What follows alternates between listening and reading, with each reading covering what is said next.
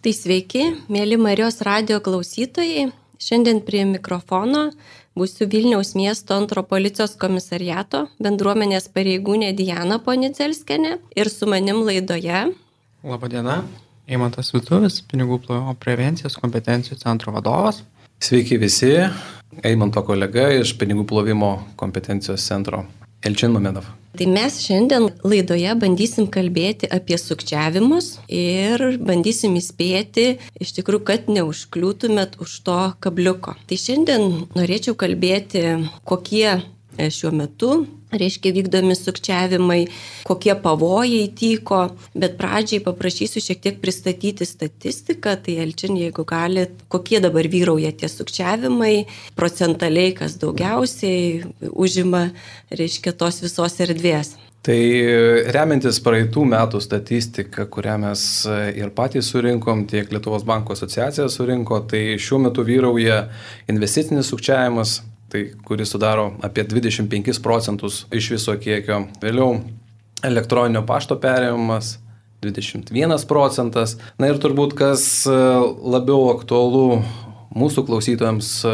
būtų, tai sukčiavimai susiję su gautais SMS e, pranešimais arba elektroniniu paštu, kuriuose yra nuorodos, kurios nukreipia į jau netikrus finansinių įstaigų e, portalus, taip yra ištraukiami duomenys prisijungimo prie, prie banko ir panašiai.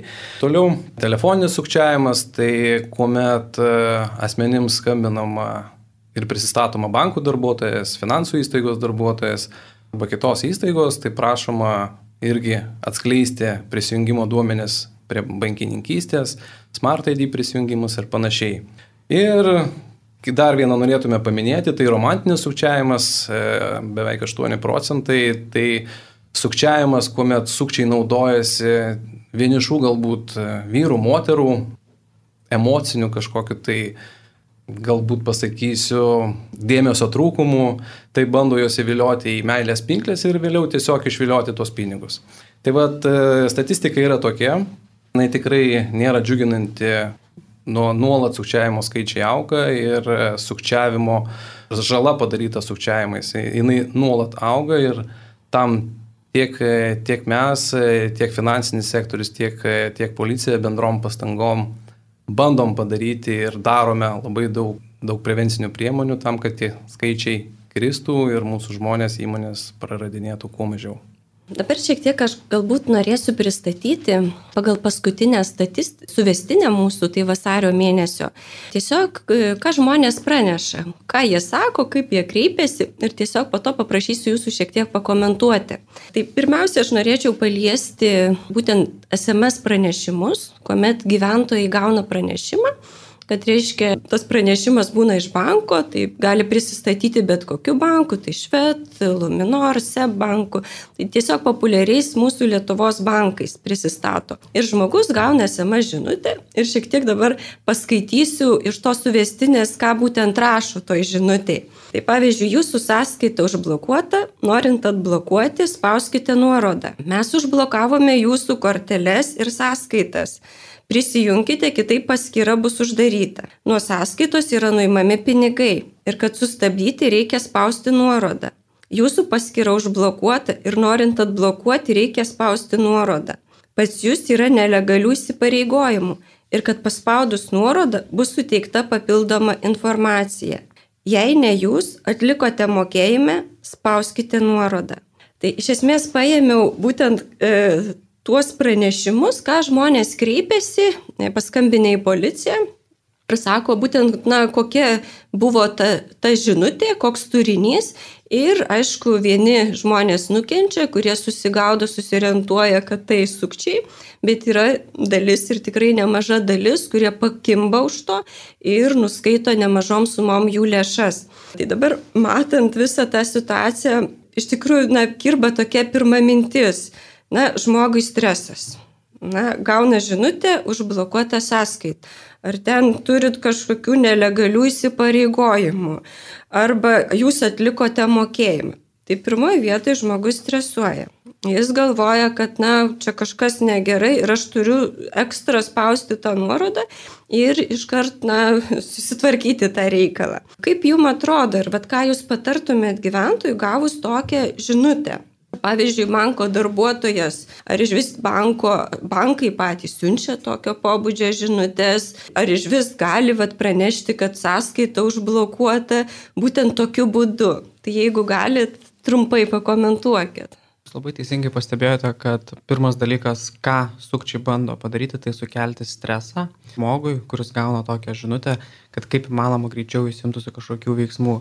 Tai ką labai noriu akcentuoti ir kas tikrai labai svarbu, kad bankai nesiunčia žinučių su nuorodomis, su aktyviomis nuorodomis. Niekada negausite iš banko žinutės, kur būtų parašyta paspauskite kažkur. Bankas gali atsiųsti žinutę, bet bus tai informacinio pobūdžio Ir tada tiesiog bus, kad pasakyt, ar nueikite į savo internetinę bankininkystę, ar nueikite į internetinį puslapį, bet tai nebus nuoroda. Čia turbūt pats pirmas ir svarbiausias dalykas, į ką reikia atkreipti, kad nespauskite jokių nuorodų, Nes jeigu spausite, labai didelė tikimybė, kad tai buvo sukčių atsiusta nuoroda, ko pasakoje labai tikėtina, kad jūs prarasite savo lėšas visas, kurias turite. Kitas dalykas, jeigu jau paspaudėte nuorodą ir identifikavote, kad tai buvo sukčiai, tai kaip įmanoma greičiau informuokite savo banką ir policiją. Aš netgi sakyčiau, kad svarbiausia pačioje pradžioje informuoti banką, nes tada bankas gali imtis veiksmų, tai reiškia dar pabandyti suspėti užblokuoti sąskaitą, jūsų sąskaitą, kad tie pinigai neišeitų sukčiams. Ir jau tada, aišku, atitinkamai informuoti policiją. Tai o čia yra pats pirma, pirmiausias dalykas. Kitas dalykas galima kalbėti apie tai, kad vertinkit informaciją kritiškai. Tai vėlgi tai, ką ir paminėjote, nu, tai yra žinutės, bandomos sukelti stresą, bandomos padaryti, kad žmogus neturėtų laiko galvoti, kad kaip įmanoma greičiau spaustų. Tai vėlgi finansų institucijoms ir, ir, ir bankams nėra tikslo, kad e, žmogus, kuris gauna, žinote, jų klientas, kad kažkur skubėtų. Dažnu atveju čia nėra ta vieta, kur reikia skubėti. Tai čia svarbu tas atsiminti, kad nespauskite ant nuorodų, nes bankai nesiunčia aktyvių nuorodų žinutėse. Žiūrėkit, pažiūrėjau, jeigu žmogus gavo tokią turinę žinutę, Ar jis tiesiog galėtų pasiskambinti į banką ir pasiklausti, Taip. ar pavyzdžiui pas, man, pas mane yra kažkokia problema su sąskaitom, ar aš kažkokių nelegalių ten turiu, ar mano paskyra užblokuoti. Tai aš manau, kad na, turbūt banko darbuotojas tokiu atveju prisijungtų ir pasižiūrėtų, ar ten kažkokios problemos yra iškilę. Bet manau, kad na, pirmas momentas galbūt tos skubos, na, kad Taip. žmogus laiku sustotų, nes tas stresas, kai užėmė, aišku, sukčių ir yra tas tikslas toksai sukelti stresą, kad žmogus, na, tuo momentu nepagalvotų ir atliktų tam tikrą veiksmą. Nes jeigu žmogus sustoja, pagalvoja, tai iš esmės tada mažesnė tikimybė jų užkabinti tą žmogų. Kas dar svarbu, kaip paminėjote, dėl skambučių, tai skambinti ne tuo numeriu, kuris bus nurodytas žinutėje, o skambinti tuo numeriu, kurį randate internetiniam puslapyje banko. Ar tai, o jeigu neturite galimybės prisijungti prie interneto, kaip pavyzdys, tai jau tada geriau eikite į skyrių ir tiesiog aiškinkite tenais. Tik tai nenaudoti jokių duomenų, kurie yra žinutėje atsiųsti. Jo, labai gerai pastebėjot, nes tikrai čia galima šiek tiek na, suklysti, nes jeigu jau ten sukčių ta žinutė, tai akivaizdu, kad ta informacija yra iškreipta. Ir ten Taip. tuos puslapius suklastoja ir, ir reiškia, tą telefoną gali nurodyti savo asmeninį ir tu pasiskambinsi tuo telefonu ir bus įsitikinęs, kad su banko darbuotoju išnekėjai o ten realiai bus, na, kaip sukčius, kuris bando išvilioti pinigus iš jūsų. Tai va, tai labai svarbu susirasti oficialų telefoną ir, ir, pasku, ir na, nepaskubėjus pasikalbėti su banko darbuotoju. Dar man kažkaip norėtųsi akcentuoti vieną momentą, kad, na, dar ir svarbu su kita galva pasi, pasitarti. Na, pavyzdžiui, nebūtinai iškart su banko darbuotoju, bet su šeimos nariu kad neskubėtų atlikti tam tikrų veiksmų. Tai ar ten su vyru, ar su žmona, ar su kaimynu net nueit pasikalbėti. Ir kai tu pasikalbi vis tiek su kitu žmogum, šiek tiek, na, pradedi objektyviau mąstyti. Ir tada, na, mažesnė tikimybė už, už, užsikabinti už šito dalyko. Tai va, tai dar tokia galbūt, galbūt akcentuoti dar kitus tokius kaip ir, ir daugiau gal nepranešimo, reiškia turinio tas žinutės, kur bando sukčiai veikti, bet skambučius. Kaip pavyzdžiui, skambina iš banko ir prisistato kaip banko darbuotojas ir tada ir vėlgi, na, jų tikslas yra vėl išgauti iš jūsų pinigus, bet šiuo metu jau per pokalbį. Ir reiškia, vėl norėčiau šiek tiek galbūt pristatyti iš vasario mėnesio suvestinės, ką būtent žmonėm tų pokalbių metu sakoma, kas yra pristatoma ir kaip tas pokalbis rutuliojamas. Tai dabar iš tos suvestinės irgi tokių minčių pateiksiu. Skambina banko darbuotojai, prisistato ir sako, kad reikia atlikti patikrinimus, kad nori nuo sąskaitos nuskaityti pinigus jūsų, kad vykdomi neaiškus pavedimai, kad įsilaužia į banko sąskaitą, kad nesuvaikščiojo pinigai, nurašomos didelės pinigų sumos, buvo nuskaičiuota 300 eurų suma, vykdomos neaiškios transakcijos, kad norima paimti paskolą, kad bankas jums nori pervesti 100 eurų, reikia patvirtinti pervedimą, kad neteisėtai pervesti pinigai į jūsų sąskaitą, reikia patvirtinti pavedimą. Tai iš esmės čia pristatoma situacija. Kaip matom, tos situacijos yra skirtingos, bet prie ko einama toliau. Tai vėl atrodytų kažkokia tai stresinė situacija kad kažkas atliekama šiuo metu nelegaliai, ar kažkoks pavedimas, ar dar kažkas. Ir vėl e, šiuo atveju yra jau prašoma jūsų smart prisijungimų. Kad jūs, reiškia, suveskit, patvirtinkit, kad čia jūs identifikuojatės, arba prašoma kodų generatorių, arba kitas momentas kortelės duomenų. Galbūt galėtumėte irgi šitoj vietoj pakomentuoti, ar gali žmogus iš visų laukti tokio skambučio iš banko darbuotojo, ar gali paprašyti banko darbuotojas tų duomenų, reiškia smartų, kodų generatorių, kortelės duomenų ir ką, pažiūrėjau, gyventojas galėtų padaryti, na, sulaukęs tokio skambučio. Tai ar gali sulaukti skambučio iš banko, pasakysiu taip, ir sulaukiam, ir sulauksim.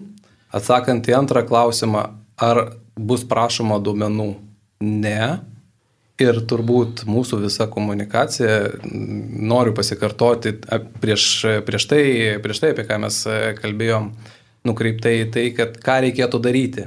Tai reikėtų tiesiog blaiviai sustoti ir neskubėti. Visas sukčiavimas yra nukreiptas į greitį. Kuo greičiau apmauti, kuo greičiau apgauti ir ištraukti iš žmonių duomenis. Jų bankinio prisijungimo, banko, banko prisijungimo, smart ID ir panašiai.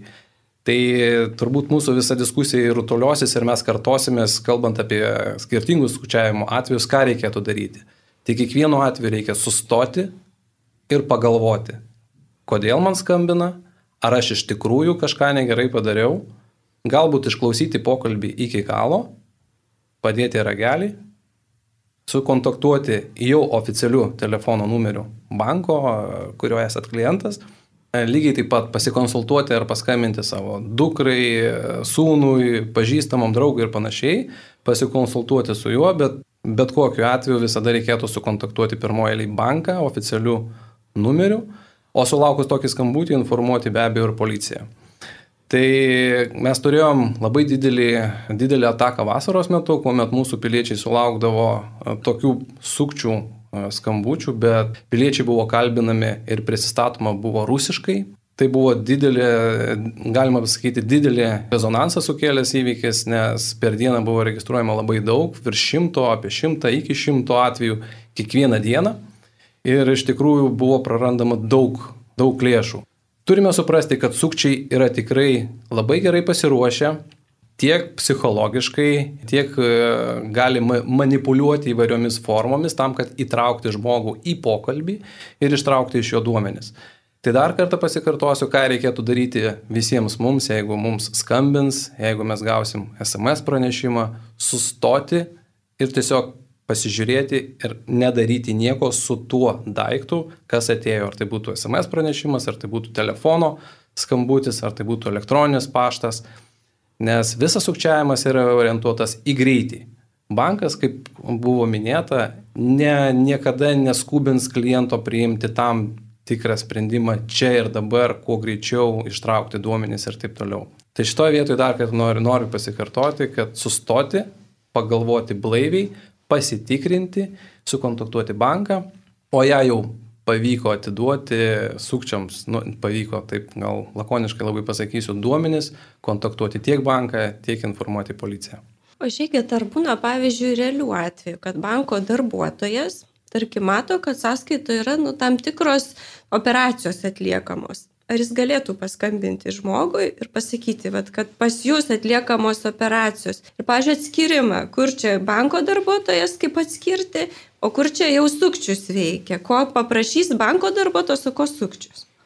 Na, galiu papildyti, tai Labai geras pastebėjimas, jūs iš esmės gali paskambinti, bet gali paskambinti tuo atveju, jeigu jūs kaip pavyzdys darėte kažkokius mokėjimus, ar tai darėte į užsienio šalis, ką prieš tai nedarydavot kaip pavyzdys mokėjimą, ar tai darėte didesnę sumą, kurios prieš tai nedarydavot, ar tai gavote didesnę sumą, tai tada dažnu atveju bankas gali jums atsiųsti ar tai elektroninio pašto laišką, ar tai laišką, ar paskambinti ir tiesiog pasiklausti informacijos ar papildomų dokumentų apie konkretų mokėjimą, kurį jūs jau padarėte. Tai reiškia, kaip ir minėjau, ar tai į užsienio šalį siuntėte, kas prieš tai jums nebuvo būdinga, ar tai gavote didesnį mokėjimą, ar išsiuntėte didesnį mokėjimą. Tai tokiu atveju gali, kalbant apie fizinius asmenis.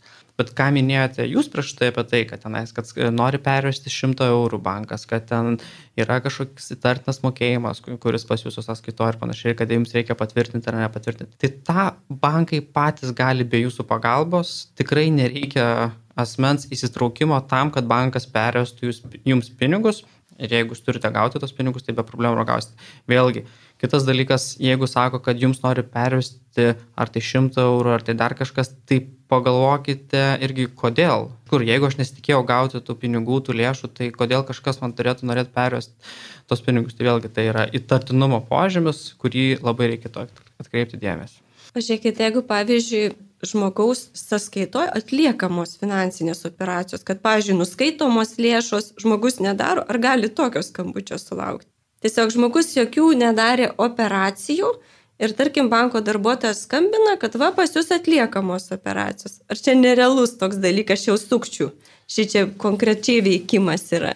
Tikrai realus dalykas, bet e, kaip mes ir minėjom, tam turėtų būti priežastis. O priežastis turėtų būti tokia, kad arba žmogus jau atidavė savo duomenis, arba tos, e, tie duomenys buvo pavokti, panaudoti kitų asmenų ir panašiai. Tai be abejo gali sulaukti skambučio iš bankų, tam, kad patvirtinti, ar jūs tikrai darot kažką tai savo sąskaitoj, pavedimai ir panašiai.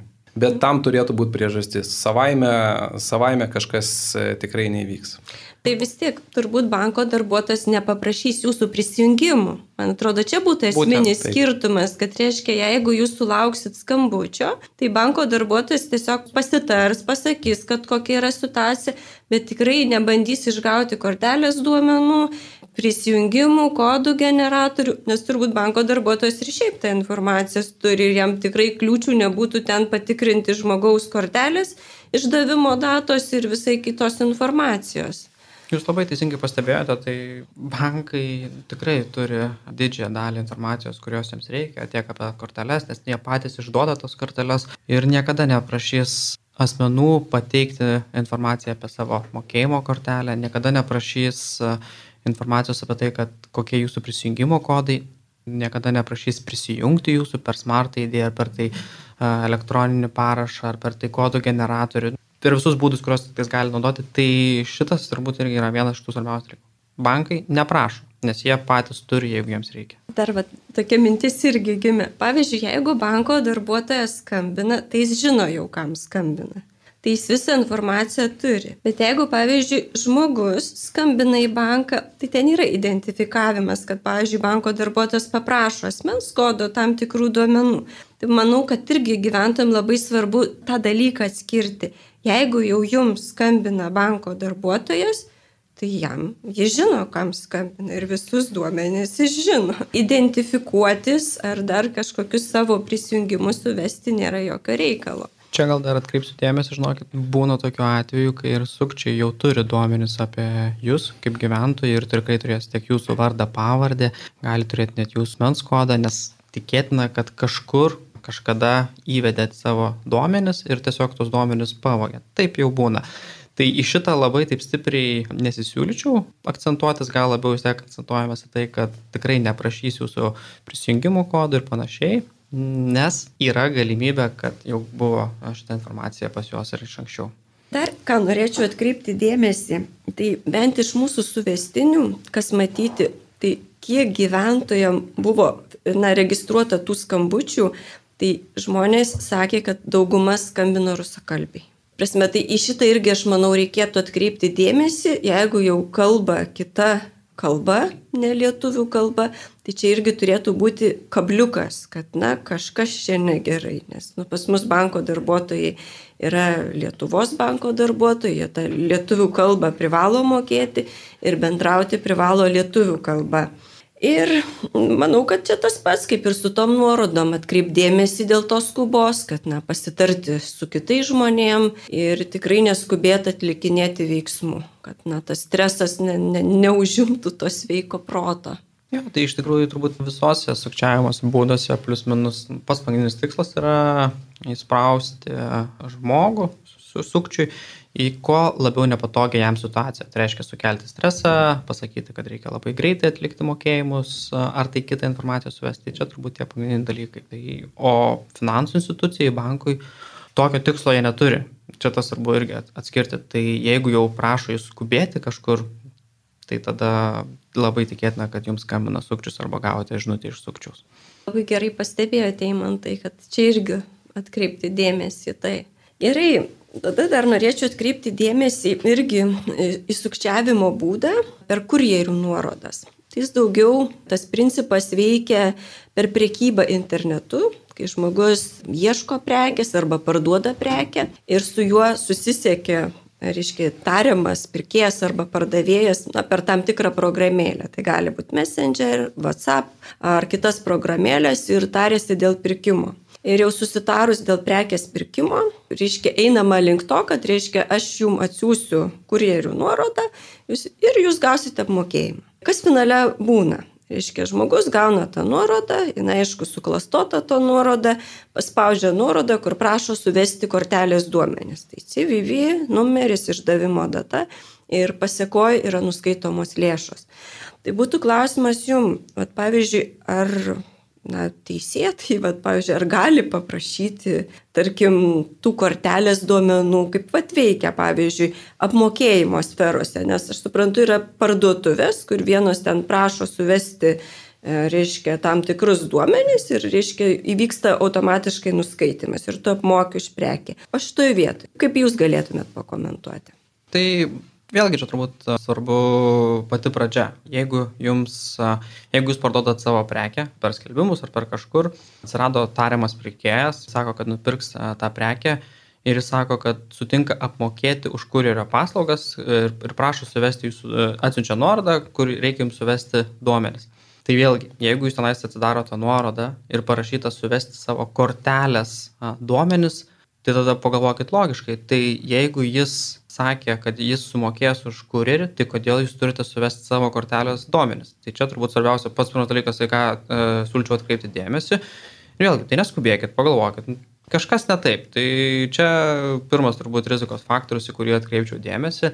O kita dalis, ką paminėjote, tai taip, elektroninės parduotuvėse jūs galite pirkti prekes, bet jau jeigu patys nueinate tą elektroninę parduotuvę, patys įsirenkate elektroninę parduotuvę, patys įsirenkate prekę ir tada jau klientų patogumui yra sudaromos galimybės, kad galima atsiskaityti ir kortelę, ar tai paprasta kortelė, ar tai kreditinė kortelė, kur jūs jau suvedate to, tos duomenis į parduotuvės, iš kurios norite nusipirkti daiktą, savo kortelės duomenis ir tada jūs galite įsigyti tą prekę. Čia turbūt vienas iš pagrindinių galimybių, kaip apsisaugoti nuo šito sukčiavimo būdų, tai yra dvigubo identifikavimo faktorius. Tai kaip pavyzdys, kai jūs suvedate savo kortelės duomenis, jūs savo internetinė bankininkystė, iš tikrųjų kiekvienas bankas tikrai tą galimybę jums taiko, tai pasidarote tokią paslaugą, tai dvigubas identifikavimas, ką tai reiškia? Tai reiškia, kai jūs suvesite savo duomenis kortelės ir norėsite pirkti prekę, jūsų papildomai paprašys prisijungti prie internetinės bankininkystės ir patvirtinti šitą mokėjimą, ar tai su Smart ID, ar tai su elektroniniu parašu, ar tai su kodų generatoriu, tai ką naudojate. Tai va, ir taip tikėtina, kad jūs apsisaugotumėt nuo tų atvejų, kai gaunate nuorodą dėl tariamų kurjerių Tai kas atitinkamai reiškia, kai jūs suvestumėt duomenis kortelės, jūs jau iš karto gautumėt pas savęs į savo mobilųjį ryšį, mobilųjį ryšio telefoną, kur prašytų jūsų patvirtinti tą mokėjimą. Tai to nedarykite, tiesiog nepatvirtinkite. Ir tai reiškia, kad tai yra, buvo sukčiavimas, buvo bandoma išvilioti jūsų lėšas. Jeigu taip nutiko, jeigu jūs suvedė kortelės duomenis ir jeigu jums pavyko identifikuoti, kad tai buvo bandoma sukčiauti, jūs būtinai informuokite savo banką nes jūs jau savo kortelės duomenis atidavėt kažkam, tai tikėtina banko, jau jūsų skambučių metu, kai paskambinsite bankui, užblokuosite savo sąskaitą ir bus paprašyta pasikeisti, gal pasiūlyta, gal taip sakykime, pasikeisti savo kortelę, kurią turite. Tai tada tiesiog gausite naują kortelę su naujais duomenimis ir turėsite vėl jums puikiai švariai veikiančią kortelę, kurios duomenys nėra pavokti. Galėtumėt gal eimantai pakomentuoti, pažiūrėjau, kaip žmogus galėtų tuos nustatymus reiškia pasidaryti, kad tas dvigubas identifikavimas būtų. Ar jis turėtų į banką paskambinti, ar čia per internetinę bankininkystę? Jo, tai man sunku komentuoti konkrečiai, nes tikėtina, kad kiekvienas bankas gali turėti kažkiek skirtingas procedūras. Tai mano turbūt būtų pagrindinė rekomendacija pasiskambinti į banką ir tada jau su banko darbuotojais diskutuoti, kaip šitą dvigubą identifikatorių galima užsisakyti ir jie jums puikiai pasakys, ar tai per internetinę bankininkystę, ar tai skambučio metu, bet vėlgi, svarbiausia skambinti į banką, ar tai nueiti į banką ir tada jums konkrečiai pasakys. Jūs labai gerai dar akcentavot tą momentą, kad reiškia kortelės duomenys suvedami tada, kai man reikia apmokėti už tam tikrą paslaugą. Šiuo sukčiavimo atveju, reiškia, tas, reiškia, gauni tu tą nuorodą, bet tu esi kaip pardavėjas prekės. O tas pirkėjas, reiškia, neva nori jum atsiųsti ir atsiunčia kurjerio nuorodą. Ir gaunasi taip, kad, reiškia, tu kaip ir pardavėjas, tu turėtum gauti apmokėjimą, o šitoje vietoje, na, labai svarbu vat, atkreipti dėmesį, kad aš kortelės duomenys suvedu tik tada, kai aš apmoku. Ne man apmoka, bet aš apmoku. Tai va čia yra labai svarbus momentas, į ką būtent šiuo sukčiavimo būdu reiškia atkreipti dėmesį, kad jeigu aš parduodu prekę, Tai ar aš turiu suvesti savo duomenis, kuomet aš sumokėsiu? Būtent tai... labai teisingai akcentavote ir čia turbūt tik tais aš galėčiau dar kartą pasikartoti tai, ką jūs ir pasakėte. Tai jeigu jūs perkate, tai tada dar suprantu, kodėl turite suvesti kortelės duomenis. Jeigu jūs parduodate prekę, jeigu jums pasakė žmogus, kad jis sumokės už jūsų kurjerį, tai nėra jokių priežasčių, kad ir kas būtų parašyta, kad ir kas būtų sakoma, kodėl reikia suvesti kortelės duomenis, nėra jokių teisėtų priežasčių tam daryti. Ir tada galbūt dar paliesim temą apie investicinį sukčiavimą. Jūs minėjau, kad ten procentaliai yra didžioji dauguma, reiškia, tų sukčiavimų yra būtent investicinio sukčiavimo atvejai. Galbūt jūs galėtumėt pakomentuoti, kokiu būdu bando išvilioti pinigus, na, į ką žmogus turėtų atkreipti dėmesį, kad, pažiūrėjau, čia realus tas pasiūlymas, ir, na, ko nereikėtų daryti, kad na, neįkliūtų tą investicinį sukčiavimą. Na, bet kokiu atveju, jeigu kalbam apie investicinį sukčiavimą, reikia iš karto turbūt atkreipti dėmesį į tai, kad lengvų pinigų už ačiū nebūna. Ir čia turbūt pagrindinė žinutė, jeigu jum žadami, e, žadamas didelis pelnas per trumpą laiką už tam tikrą investavimo galimybę, taip nebūna. Tai čia Pirmas dalykas, į ką reikėtų atkreipti dėmesį, kad e, jeigu mes kalbame apie investicinį sukčiavimą, tai bet kokiu atveju tai ilgalaikis procesas, į kurį uh, turi įsitraukti žmonės, kurie supranta, ką jie daro. E, lygiai taip pat ir jūs konsultuoti, ar jūs norėtumėt investuoti į vieną kitą produktą ir, ir panašiai. Tai į tai reikia atkreipti dėmesį ir to saugotis. Labai dažnai uh, sukčiai bando ir daro tai, e, prašo žmonių savo mobiliuose renginiuose instaliuoti tam tikras programėlės, viena iš jų kaip Anydesk, ir jos pagalba tiesiog vilioti iš, iš žmonių pinigus, manipuliuoti tam tikrais skaičiais, kad pasižiūrėkit, jūs investavot šiandien 50 eurų, rytoj e, lygiai taip pat su jumis apturėti kontaktą ir parodyti jau galbūt triženklę, keturženklę sumą. Ir tokiu būdu vis iš jūsų prašys dar papildomai investuoti, o jūs jau atsis, pakipsit ant to kabliuko, pagausit e, tą azartą, uždirbti kuo daugiau, kuo daugiau, kuo daugiau ir tokiu būdu tiesiog žmonės lieka, lieka tiesiog be nieko. Tai šitoje vietoje pagrindinė žinutė turbūt būtų, kad lengvų pinigų už ačiū niekada nebūna, nes visada reikėtų pasižiūrėti apskritai, kas, kas dedasi investavimo rinkoje. Tai čia bet kokiu atveju yra labai sudėtingas, sudėtinga tema kalbėjimui, bet atkreipti dėmesį, kad nebūna didelio uždirbimo iš tam, tik, tam tikro pasiūlymo. Tai turbūt pagrindinis dėmesys, į ką reikėtų atkreipti, kad nebus prieaugis labai didelis per trumpą laikotarpį. O jūs gal galite irgi, bet, pavyzdžiui, pavyzdžiais pasakyti, nes aš suprantu, kad čia yra siūlomi procentai, na, gerokai netitinkantys realybės. Tai, pavyzdžiui, jeigu žmogus, na, realiai, oficialiai norėtų kažkur investuoti, gal jūs važinot, na, kiek jam pasiūlytų procentų ir, pavyzdžiui, kiek jisai ten, per kiek laiko tas prieaugis būtų. Ar, pavyzdžiui, bankė padėti pinigai, kiek ten procentas pasiūloma arba už nu, tam tikras paslaugas. Tai įvairioji finansų įstaigoje tas procentas yra skirtingas, jis gali būti 3, 4, 5 procentai, bet tikrai nebus 20, 30 ir panašiai kaip e, sukčiavimo atvejais siūlo patys sukčiai ir nebus iš, tik, iš tikrųjų per trumpą laikotarpį antiek įdėjus, tarkim, mažą sumą, jūs uždirbsit sekant, sekančią dieną, kaip ir minėjau, triženklę, keturženklę sumą. Tai pagrindinis dėmesys tikrai atkreipti į e, turbūt procentus arba prieaugį, kuris yra siūlomas ir tokiu būdu iš karto atkreipti dėmesį, ar iš tikrųjų tai bus. Žmonės iš tikrųjų yra labai naivus, nori labai greitai uždirbti ir patikė tomis schemomis, kad aš investuosiu galbūt vat, atliekama 50 eurų, rytoj aš turėsiu 150 ir panašiai ir panašiai.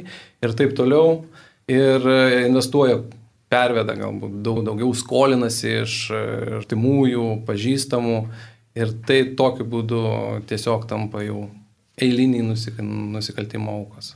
Aš galiu dar papildyti iš tikrųjų tai, ką Alčinas paminėjo, ar jis paminėjo labai teisingus akcentus, tai vėlgi, kai kalbam apie bankuose, jeigu jūs padėsite į banką indėlių, tai šiai dienai tikrai nėra joks, jokia naujiena, kad nu, jūs geriausiu turbūt atveju 1-2 procentus pasiūlys bankas, nedaugiau.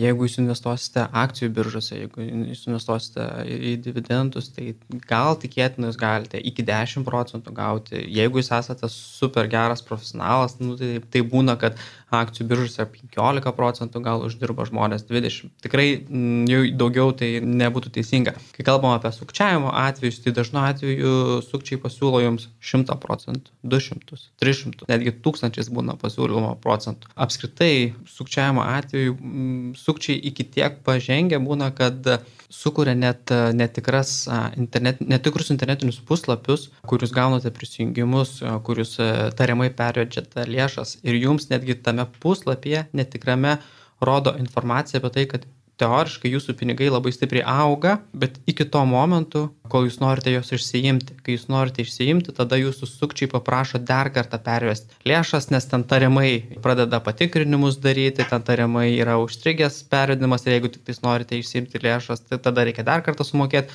Tai vėl realybėje, realiai investuojant to nebus. Iš esmės, jeigu jūs investuojate per patikrintą kompaniją, ar tai bankas, ar per tai per kažkokią kitą investiciją kompaniją, tai jūs tikrai galėsite įsiimti tą savo lėšas, bet didesnių problemų, nebent tenais yra kažkokie, jau jūs pasirašot sutartį, kad kaip pavyzdys įdedat indėlį, bet jo negalite pasimti e, artimiausius metus. Tai, tai reiškia, bet tai tada bus sutarty viskas pasirašyta. Tai tas labai svarbu atkreipti dėmesį.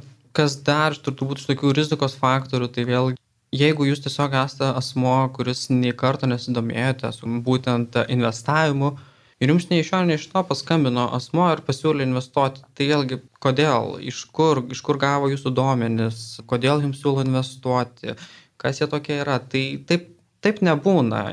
Prieš tai tikėtina, kad jūs jau turėjote kreiptis į kažką, tai reiškia, ar tai savo banką, ar tai kitą įmonę, jau patys išreikšti norą, kad jūs norite investuoti, kad jūs esate susidomėję, nes kitu atveju tikrai finansų įstaigos nu, nebus suinteresuotos, realios, kurios vykdo veiklą. Tai tą labai svarbu atkreipti. Na ir ką ir prieš tai minėjau, prie šitos tipologijos tas irgi labai svarbu, kad pats tonas dažnu atveju kalbėjimo būtent sukčių, tai būna įsakmus, vėlgi sukelti stresinę situaciją, kad sprendimą priimkite čia ir dabar, kad šitas pasiūlymas yra tik tais jums, kad šitas pasiūlymas galioja ten limituotą laiko tarpą. Tai vėlgi taip nelabai būna ir realiu atveju, jeigu jums skambins e, realūs banko darbuotojai, jie tikrai neturi noro, kad jūs skubėtumėt. Aš manau, čia iš viso šito galima akcentuoti tam tikrus momentus. Tai realybės faktorių, tarkim, na, kokia reali situacija pas mūsų šaly ir ką gali pasiūlyti ir ką jums siūlo. Ir jeigu matot, kad, na, nerealius dalykus siūlo, tai iš tikrųjų reikėtų šitoje vietoje atkreipti dėmesį. E, ir kitas momentas - laikas pavyzdžiui, jis labai gerai akcentavo, kad, na, tarkim, įdedu indėlį, tai, tarkim, metam laiko, dviem metam laiko ir tada būna kažkoks man procentas iš to. O čia tu iškart įdėjai tuos pinigus, o kitą dieną jau pasižiūrėk, pas tave tas prieaugis didžiulis. Ir dar svarbus momentas, jūs labai gerai paminėjot, kad, pavyzdžiui, kokia nauda iš to? Tai jeigu tau atsitiktinai paskambino žmogus, tu net nesidomėjai, nesikreipi, tai nu, ta prasme, kas jam iš to? Reikėtų savo užduoti tokį klausimą. Nes, pavyzdžiui, jeigu tu oficialiai įdedi indėlį į banką, nu, tai tiek jis gauna tam tikrus momentus savo naudą ir, ta prasme, jis gauna iš to uždarbį. Ir jūs gaunat procentą ir bankas gauna.